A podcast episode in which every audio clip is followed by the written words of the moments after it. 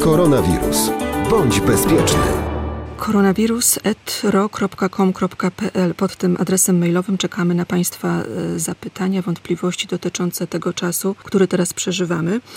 Dziś o sytuacji, która wydarzyła się w Pozezdrzu albo dzieje się w Pozezdrzu koło Węgorzewa. Tam rodzina mężczyzny, który został zakażony koronawirusem, chce przed sądem walczyć z hejtem i szykanami ze strony części mieszkańców. Pytanie, czy to odosobniony przypadek, czy początek jakiegoś niepokojącego zjawiska, które nas czeka, oprócz oczywiście innych konsekwencji związanych z koronawirusem. Jednak już teraz e, trzeba mówić o tym, dlaczego taka stygmatyzacja osób, e, które przeszły koronawirusa jest niebezpieczna i szkodliwa też społecznie. I jak się też zachowywać, jeśli mamy jakieś obawy związane z tym, że się zarazimy. Z tym pytaniem zwracam się do doktora Konrada Maja z Katedry Psychologii Społecznej Uniwersytetu SWPS w Warszawie. Panie doktorze, co to mówi o społeczności, o nas, o nas, którzy w ten sposób reagujemy na osobę, która ma za sobą koronawirusa? Bez wątpienia powinniśmy się niepokoić, dlatego że no, każdemu się to może zdarzyć i y, takie osoby potrzebują naszego wsparcia, e, chcą wrócić niejako z powrotem do społeczeństwa i zupełnie rzeczą e, irracjonalną jest ataki na nią.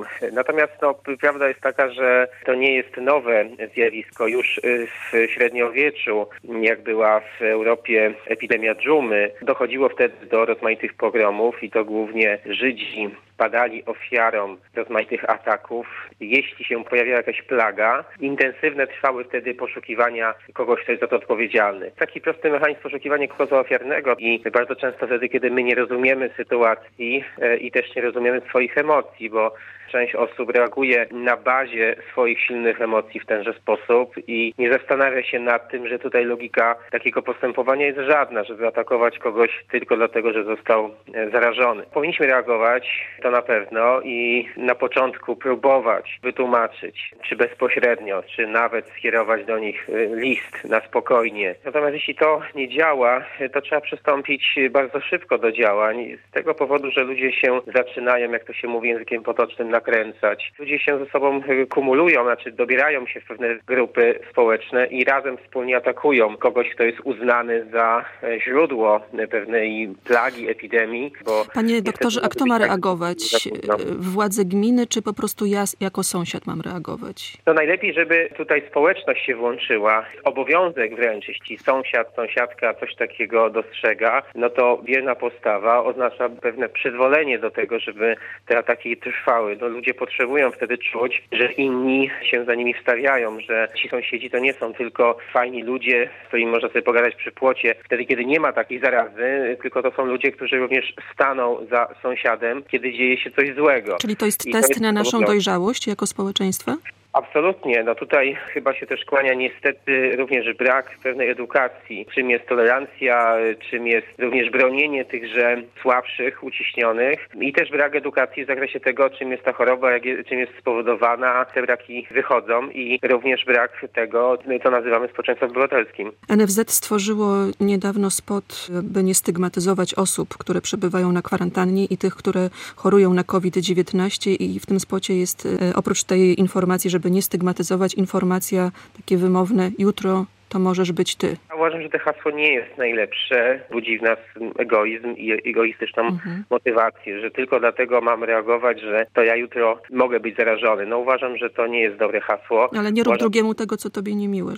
Okej, okay, no tak też to można tłumaczyć, ale ja myślę, że ja bym raczej stawiał na hasła, które budują wspólnotę. Wspólnie damy radę.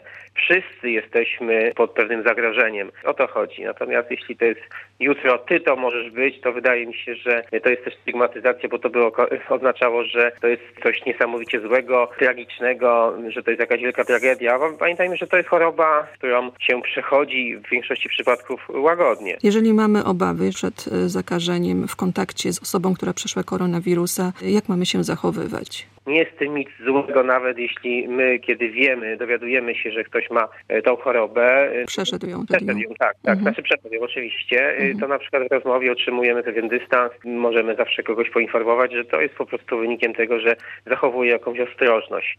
Ostrożność nie jest niczym złym i potrafię sobie wyobrazić, że ludzie na wszelki wypadek chcą jeszcze przez kilka tygodni unikać kontaktów z daną osobą. Natomiast na pewno atakowanie albo po tych kilkunastu już tygodniach Niekontaktowanie się to już jest ostracyzm, eliminowanie ze społeczności i to niedobrze wróży, bo to też może zepsuć jakby klimat pewnej miejscowości na długie lata. Wiele badań pokazuje, że współpraca, zaufanie międzyludzkie, taki kapitał społeczny szeroko rozumiany powodują to, że dana miejscowość, dany region kwitnie, rozwija się gospodarczo, rozwija się społecznie i to jest pewna baza. Tutaj zdajemy pewien test na to, na ile rzeczywiście ludzie potrafią znieść się na pewne takie wyżyny i pomimo tych emocji potrafią się dogadywać, potrafią się wspierać nawzajem i o to apeluję. Dziękuję bardzo za rozmowę. Moim gościem był dr Konrad Maj z Katedry Psychologii Społecznej Uniwersytetu SWPS w Warszawie. Dziękuję panie doktorze. Dziękuję bardzo. Koronawirus.